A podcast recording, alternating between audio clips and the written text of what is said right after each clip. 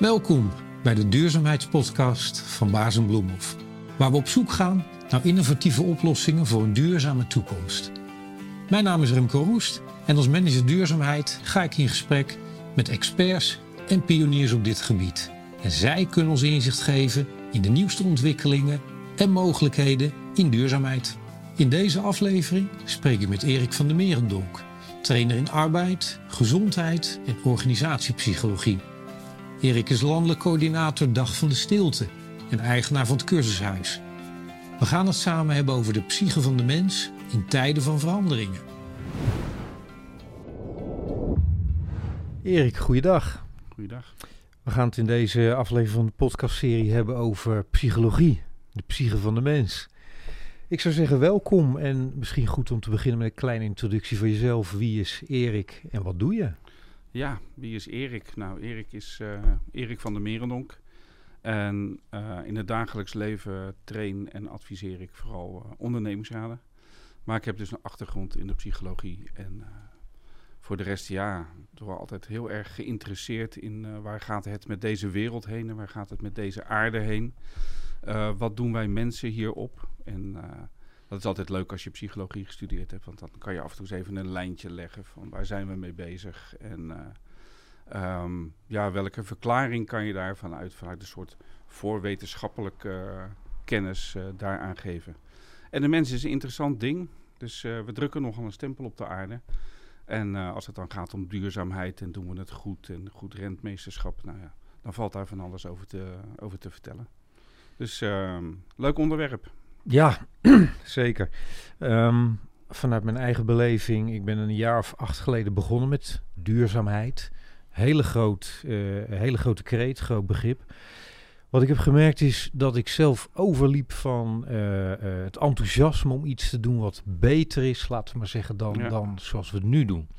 En ik verbaasde mij in die beginfase al heel snel over um, het gebrek aan enthousiasme bij iedereen.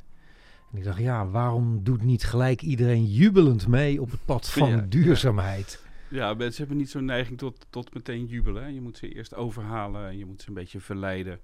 En uh, dat is denk ik ook wel wat, wat, wat nou ja, misschien vanuit, vanuit bepaalde gezichtshoeken wel fout gaat als je het hebt over duurzaamheid.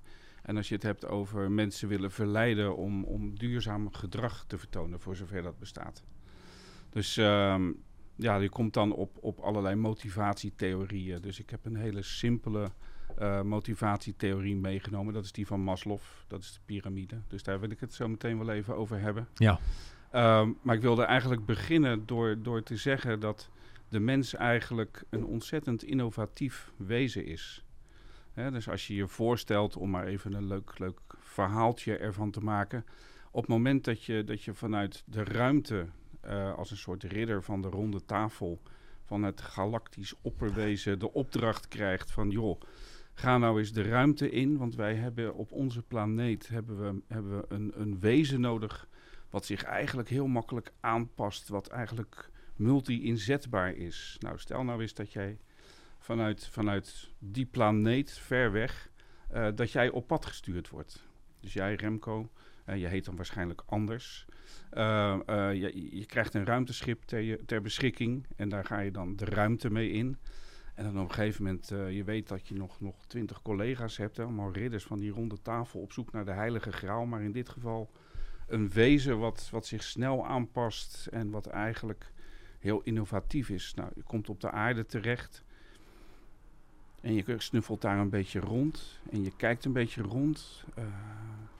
Dan vind je op een gegeven moment allerlei, allerlei organismen die zich snel aanpassen. Mm -hmm. Hè? En, en, in eerste instantie zoek je iets kleins, hè? want ja, je ruimteschip is ook niet zo groot. Uh, dan kom je bij hele kleine beesten terecht. Hè? Dus zou de aarde ooit vergaan, dan, dan zijn er insectjes en dan zijn er bacteriën die blijven uh, voorlopig nog wel even bestaan. Dus die, die overleven dat wel. Um, en, en daar ga je eerst eigenlijk ga je oprichten. Dus je stopt wat potjes voor, je neemt wat pipetjes mee, die zet je in je ruimteschip. En dan op een gegeven moment kom je de mens tegen. Dan ga je op een gegeven moment ga je, verdiepen in de mens. En dan denk je van het is eigenlijk een heel apart wezen. Als wij hier zo zitten, uh, ja, we stellen niet zoveel voor eigenlijk. Hè? Dus we kunnen niet heel hard lopen. Er zijn, ik weet niet hoeveel dieren die kunnen veel sneller lopen dan wij. Uh, we kunnen ook niet zo goed zwemmen eigenlijk. Hè, we blijven boven water. Maar om nou te zeggen, joh, gooi Remco's in het water en vraag hem vier kilometer te zwemmen. Nou, dan zijn we je halverwege zijn we je kwijt waarschijnlijk. Dat is een stukje. Vliegen kan je al helemaal niet. Dus ik zal je niet van een flatgebouw gooien, want dat, dat wordt hem helemaal niet natuurlijk. Um, maar op het moment dat je als, als buitenaards wezen naar die mens gaat kijken, dan, dan zie je dat hij dat die, uh, zoveel innovatieve kracht heeft, dat hij op een gegeven moment in staat is om, om zich sneller te verplaatsen. Hij gaat niet sneller lopen, maar hij gaat zich wel sneller verplaatsen. En hij gaat ook niet, niet harder zwemmen, maar hij gaat zich door het water heen wel sneller verplaatsen. Zowel boven water, hè, uh, aan de oppervlakte van het water, als onder het water. In de lucht zijn we natuurlijk helemaal supersonisch, want er is geen beest wat zo snel kan vliegen als dat wij kunnen vliegen in iets wat wij gebouwd hebben. Dus ik denk dat als jij, als jij dat, als dat buitenaardse wezen, uh, als je dat allemaal helemaal tot je genomen hebt, dat je waarschijnlijk al die potjes weer uit dat ruimteschip gaat halen en gewoon achterlaat.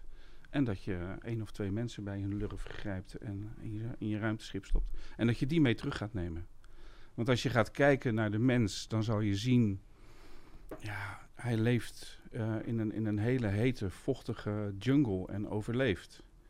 En, en als je diezelfde mens meeneemt, hij zal wel even moeten wennen, maar je neemt hem mee naar de Noordpool en je geeft hem alles wat daar ter beschikking is aan kleding, aan behuizing, aan, aan warmte die toegevoegd wordt van buitenaf, dan overleeft hij ook. En neem je datzelfde mens weer mee naar een hele andere plek zoals Nederland, ja, dan zal hij het wel vreemd vinden dat hij misschien wel drie of vier meter onder de zeespiegel woont. Maar hij zal wel accepteren dat het, dat, dat het kan. En hij zal ook zijn steentje bijdragen om te zorgen dat het kan. Dus eigenlijk, als je gewoon naar de mens kijkt in, in, zijn, in zijn hoedanigheid op deze aarde, zou je eigenlijk kunnen zeggen dat het de meest innovatieve soort is die hier rondloopt. Eens, eens. Is, is daarmee, daarmee ook gelijk alles maakbaar voor ons? Mm, nou, dat ligt er een beetje aan welk boek je leest. Um, maar als je bijvoorbeeld De Ontdekking van de Hemel leest van Harry Mulisch. Um, en, je, analyseert dat goed. Dan zou je eigenlijk kunnen zeggen dat naarmate we genoeg tijd en genoeg middelen hebben, we eigenlijk tot heel veel in staat zijn. En nou goed, we zullen ons niet op het pad van de theologie en, uh, en de religie begeven. Um, maar een mens is natuurlijk al in staat om, om zijn eigen leven te verlengen. De medische wetenschap is natuurlijk al heel ver. Uh, we kunnen ook al bijna leven maken. Hè. We kunnen al leven maken. Dus twee DNA-stringen kunnen wij al leven maken. Dus het zal niet zo heel ver, het zal niet zo heel lang duren voordat we eigenlijk van alles en nog wat kunnen maken. Dus ja, als je, als je, als je de mensen tijd geeft, kan die op een gegeven moment alles. Dat is mijn, uh, dat is mijn overtuiging. Ja. ja. Wat uh, voor mij persoonlijk een beetje als uh, constante, de rode draad in, in deze inleiding voortkomt, is dat er constant een bepaalde mate van groei is. Ja. noem het vooruitgang, noem het groei, noem het meer. Ja. Um, en daar ligt natuurlijk een heel nadrukkelijk lijntje naar uh, het hoofdonderwerp, duurzaamheid. Ja. Waarbij de vraag gesteld wordt, ja, is meer altijd goed? Is meer per definitie goed? Um, in het voorgesprek net even hebben we het gehad over wat, wat invalshoeken voor dit gesprek. Ik bedoel, de psyche van de mens, dat is een dingetje. Naar een dingetje, een ding. Daar kan je natuurlijk ontzettend veel uh, spreektijd over vullen. Ik zou iets uh, uh, tegen je aan willen houden. Um, dat zijn een paar regels tekst en die vielen mij op door de vraag die het oproept. En dat luidt als volgt. In verschillende psychologische studies werd mensen gevraagd om een lijstje te maken van dingen waarvan zij aangeven, nou dat maakt mijn leven betekenisvol. Ja. de meeste mensen noemden daarbij familie en vrienden. diepe menselijke relaties uh, dat is waar mensen over praten als het gaat over wat zij de zin van het leven vinden. Welke les moeten we daaruit trekken als je bedenkt dat we door de economie, de wijze waarop we de economie hebben ingericht, want dat is ja. natuurlijk een keuze, het allemaal zo optimaal druk hebben met werk, we eigenlijk geen tijd voor elkaar hebben? Ja, dat is een malle. Ja. En die keuze maken we vrijwillig. Ja, ja, dat kun je je afvragen natuurlijk. Ja, In, en- in, in hoeverre is een mens eh, vrij in de keuzes die hij maakt? ja. En als we me houden tegen de inleiding net en eh, tegen het hoofdonderwerp duurzaamheid, dan rijst bij mij ook de vraag van eh, vanuit die innovativiteit, eh, de innovatie, eh, we zijn in staat om eh, de meest wonderlijke dingen te bouwen met elkaar. Zeker.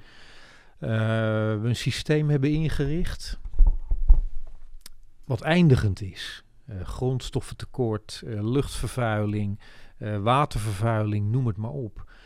Ehm, zit het dan zo diep in ons om altijd maar te zoeken naar de weg vooruit, dat er gewoon geen weg terug is? Mm, ja, nu gooi een aantal vragen door elkaar volgens mij, maar ik ga ze even ontleden.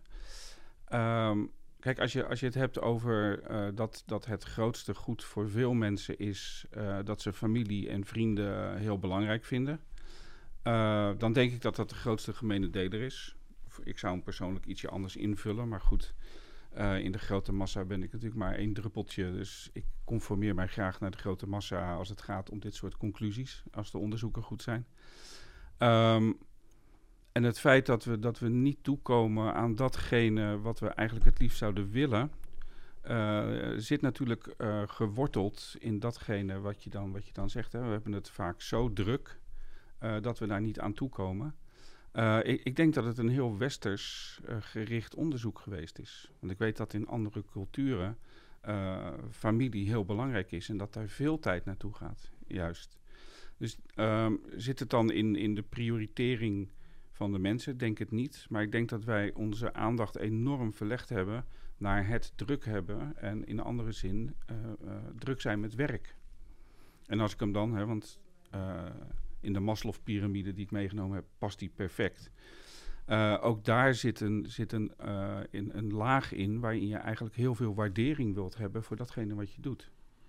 Dus waardering halen wij, vooral in het Westen, eh, wij halen heel veel, veel waardering uit werk.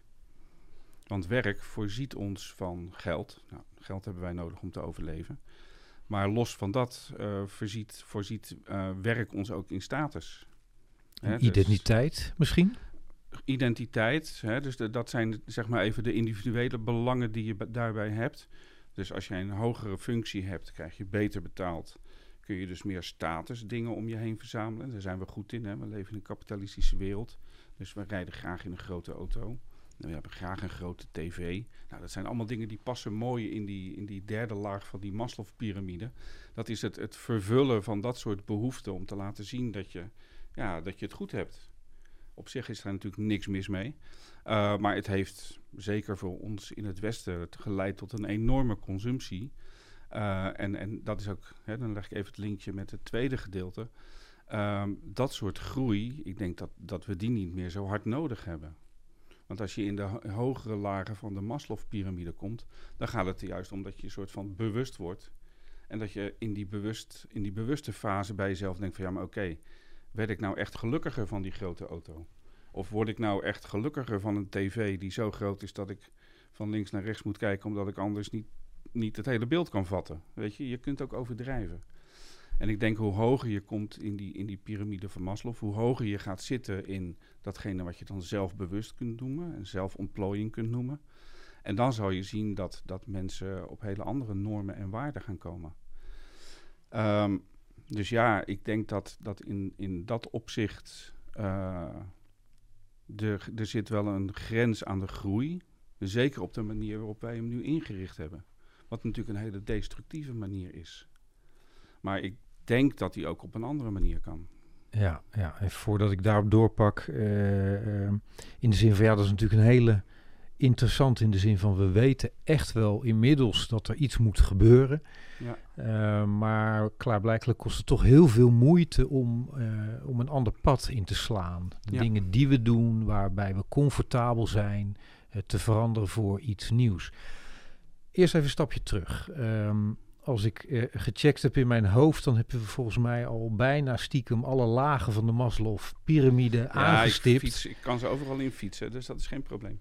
Maar, Maar ik, voor, zal ze, ik zal ze even op een rijtje zetten. voor wie niet, weet, ja, niet precies. weet wat de Maslow-pyramide Ja. is. Nou, in principe is, is Maslow eh, is, is al een, een vrij oude eh, denker op dat gebied.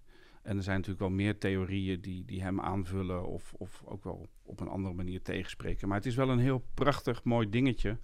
Ook omdat hij in de marketing-economie eh, ook gebruikt wordt. Dus daar kan je dan ook weer een mooi linkje naar leggen. Maar in principe moet je je voorstellen dat je een piramide hebt. Dat is een mooi driehoekig eh, ding. En de onderste laag, die, die, eh, die is het belangrijkste, die is ook het grootst. En elke laag die daar bovenop komt, is een laag waar je naar doorschuift. En je, de theorie van Maslow is in elk geval van, van je kunt niet met laag 2 beginnen als je laag 1 niet volbracht hebt. Nou, daar is die wat controversieel, daar zijn ook wel andere ideeën over, maar als basisidee is het wel leuk. Ehm, als je weet dat in, in laag 1 zit gewoon, ja, er zitten gewoon je eerste dagelijkse levensbehoeften, je primaire, echt primaire levensbehoeften. Dus wat zit daarin? Ja, zuurstof. Je moet zuurstof hebben, anders kan je niet leven. En je moet eten, anders dan, dan val je op een gegeven moment om. Nou, je moet slapen, anders krijg je ook allerlei rare dingen. Dus dat zijn hele, hele basale behoeften die elk mens gewoon nodig heeft. Het tweede, tweede wat, er, wat erop zit, de tweede behoefte die je hebt, eh, dat is dat je op een gegeven moment behoefte hebt aan een dak boven je hoofd. Dat is natuurlijk ook best wel een, een, een levensbehoefte. En je ziet het ook terug in de maatschappij. Hè? Op het moment dat, dat eh, mensen in Ter Apel bijvoorbeeld buiten moeten slapen, dan gaan wij Nederlanders wij gaan stijgeren. Dat willen we niet. Hè? Want dan, dan knaag je aan die tweede laag van, eh, van Maslow. En in onze goed ingevulde maatschappij past dat natuurlijk helemaal niet. Nou, ik moet af en toe even spieken, want ik kan niet zo goed dingen uit mijn hoofd leren.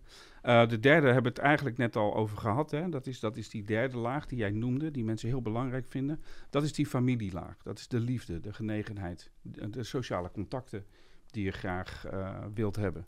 Dus dat is laagje nummer drie. En eh, laagje nummer vier, ehm, eh, moet ik weer mijn bril opzetten, dat is leeftijd hè. Dat is, dat is waar ik het over had, hè? die erkenning die je graag wilt hebben, die ik al noemde in werk. Als, jij, als jij aan het werk bent, wil je graag waardering. Hè? Je wil graag af en toe een schouderklopje. Van, nou, dat doe je goed Remco, dat is een goed idee, gaan we doen, weet je. De wens voor een sticker die blijft. De wens voor de sticker die blijft en de pluim van de juf, die wil je ook nog wel graag hebben. En dan kom je aan die, aan die bovenste laag. En die bovenste laag is natuurlijk erg interessant, want dat is de, de laag waarin je, waarin je tijd hebt voor creativiteit. Dat is de laag waarin je, waarin je kunt studeren. Dat is de laag waarin je op een gegeven moment zelf bewust wordt. Hè? Uh, nou ja, in de buitenwereld zijn heel veel mensen bezig met spiritualiteit. Dat is een term die je steeds vaker tegenkomt. En dat zit eigenlijk in die top van die Maslow-pyramide. Wat heb je nodig om echt, los even van materiële dingen, wat heb je nodig om echt heel gelukkig te kunnen zijn zonder dat je al die materiële dingen nodig hebt? Nou, dat is een beetje even in het kort de piramide van Maslow. Um, en wat, wat hij zegt uh, is, eigenlijk moet je die eerste, die tweede en die derde laag, die moet je wel goed voor elkaar hebben. Uh, en, en dan zou je langzaam maar zeker, en dan, dan raken we weer even aan duurzaamheid, uh, dan zou je langzaam maar zeker kunnen denken van oké, wat gaan wij nou doen voor de planeet? Want als jij, als jij ergens leeft waar, waar de lucht niet zuiver is, of waar je geen zuiver drinkwater hebt, dan ga je niet nadenken over in welke auto je rijdt. Daar heb je helemaal geen ruimte voor. Je wilt eerst die basis wil je ingevuld hebben. Nou, in die tweede laag zit dat natuurlijk ook. Hè? Als, je, als je geen veilig dak boven je hoofd hebt, of je hebt geen veilige woonomgeving, dan kun je wel tegen mensen zeggen ja, we gaan heel duurzaam. Weet je, die mensen zijn daar ook niet mee bezig. En het grappige is dat, dat op het moment dat je in die derde en die vierde laag zit, en dan zit je in de wat luxere lagen, zal ik maar even uh, op een grappige manier zeggen. In die luxere lagen, uh, uh, daar wil je graag dingen behouden. En dat is natuurlijk wel een beetje de trend van onze kapitalistische maatschappij. Dat als wij iets hebben, ja, als we het hebben, dan hebben we het. Daar hebben hard voor gewerkt. En die gaan we niet inleveren. Dus Henk heeft uh, heel hard gespaard voor zijn, uh, voor zijn grotere auto. Want er was een kindje bijgekomen. Dus nou, een grotere auto. En dan zegt er iemand tegen hem van... Ja, maar Henk, het is niet goed hè, dat jij in die grotere auto rijdt. Ja, wat gaat Henk dan doen? Die gaat zijn auto niet wegdoen. Maar die zal in eerste instantie uh, even wijzen van... heb je wel eens naar Tata Steel gekeken? Wat ze daar de lucht in gooien. Weet je? Dat zijn hele... Eerst zij en dan pas dus ik. Eerst, eerst de ander en dan pas ik, weet je wel. Ja, dat kan jij makkelijk zeggen. Nou, weet je. En nu maak ik hem heel klein, hè, dus- maar ik kan hem ook heel groot maken. En dat is dat, dat ik kan het hebben over Henk en zijn autootje. En ik kan het hebben over Sylvia, die graag op vliegvakantie wil en daar ook hard voor gewerkt heeft. Dat mag dan ook niet meer, want dan is vliegschaamte. Uh, maar ik kan hem ook heel groot maken door te zeggen van, van ja, 20% van, van de mensen leven in de wilde van de bovenste lagen van die Maslow-pyramide. Ja. Maar 80% zit daar nog niet. Ja. Dus ga nou niet tegen een Chinees zeggen dat hij geen auto mag rijden. Of tegen een Afrikaan zeggen dat hij niet een grote tv in zijn hut mag.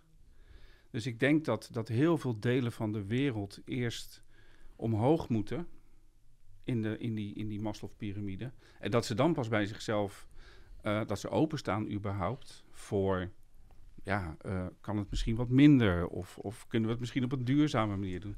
Dus mijn voorspelling is dat wij voorlopig nog niet wereldwijd gaan verduurzamen. Dat is misschien wel heel controversieel. ja, en, daar... misschien niet in de lijn van alle andere uh, podcasts die je tot nu toe opgenomen hebt. Maar dat is wel mijn overtuiging. Ja, ja en daar, daar, uh, daar zit ook mijn logische eerstvolgende vraag. Ja. In de zin van als je. Uh, ik heb wel eens begrepen dat de route in de Maslow-pyramide is opwaarts, omhoog. Mm -hmm. En die is niet terug. Nee, um, niet naar, ja, daar kan ik wel een nuancering in aanbrengen. Ja. Uh, hij is wel delend.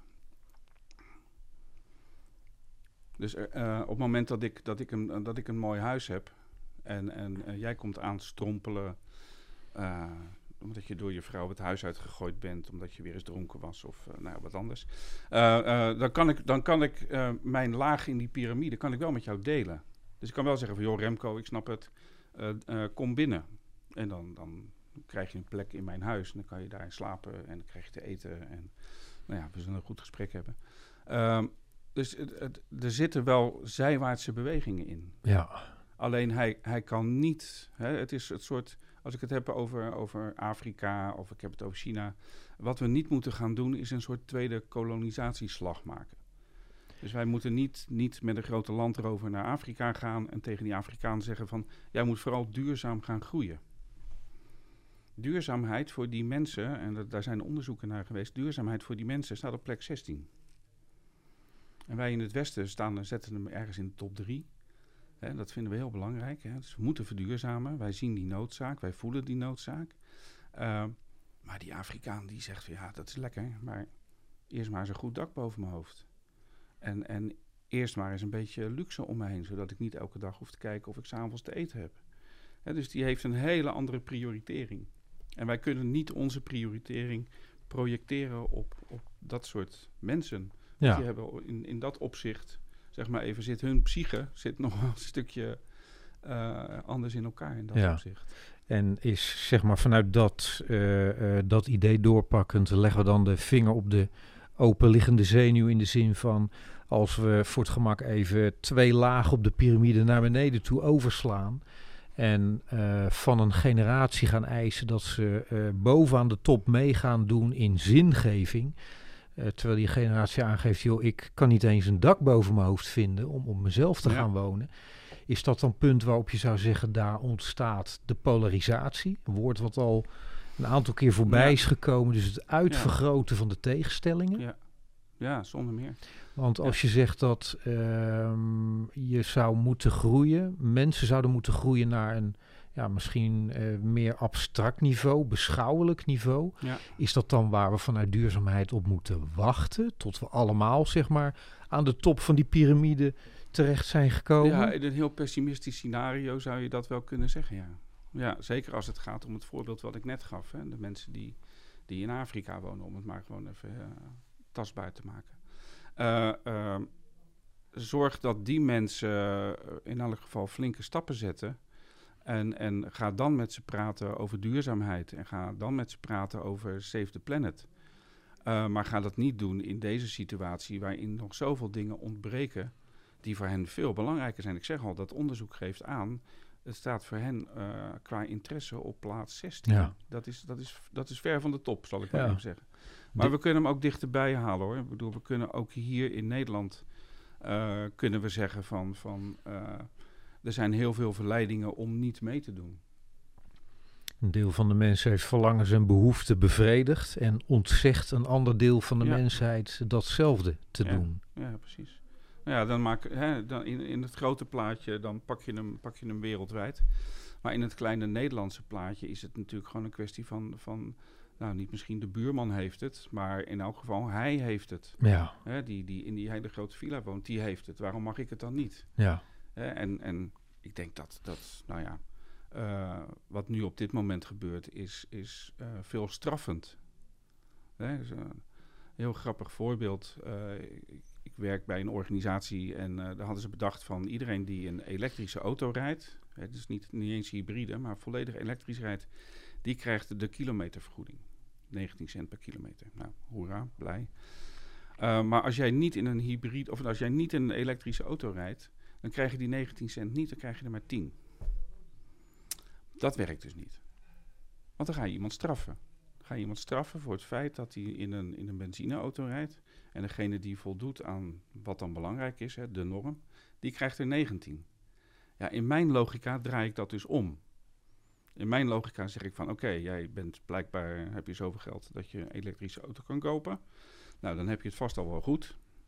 Uh, dan krijg je van mij gewoon 19 cent, hè, want dat is de norm, heeft de Belastingdienst vastgesteld. En degene die in die oude, in die oude uh, dieselbak rijdt, die krijgt van mij een euro. Maar dan wel met de afspraak van, oké, okay, zet die euro dan lekker vrolijk opzij.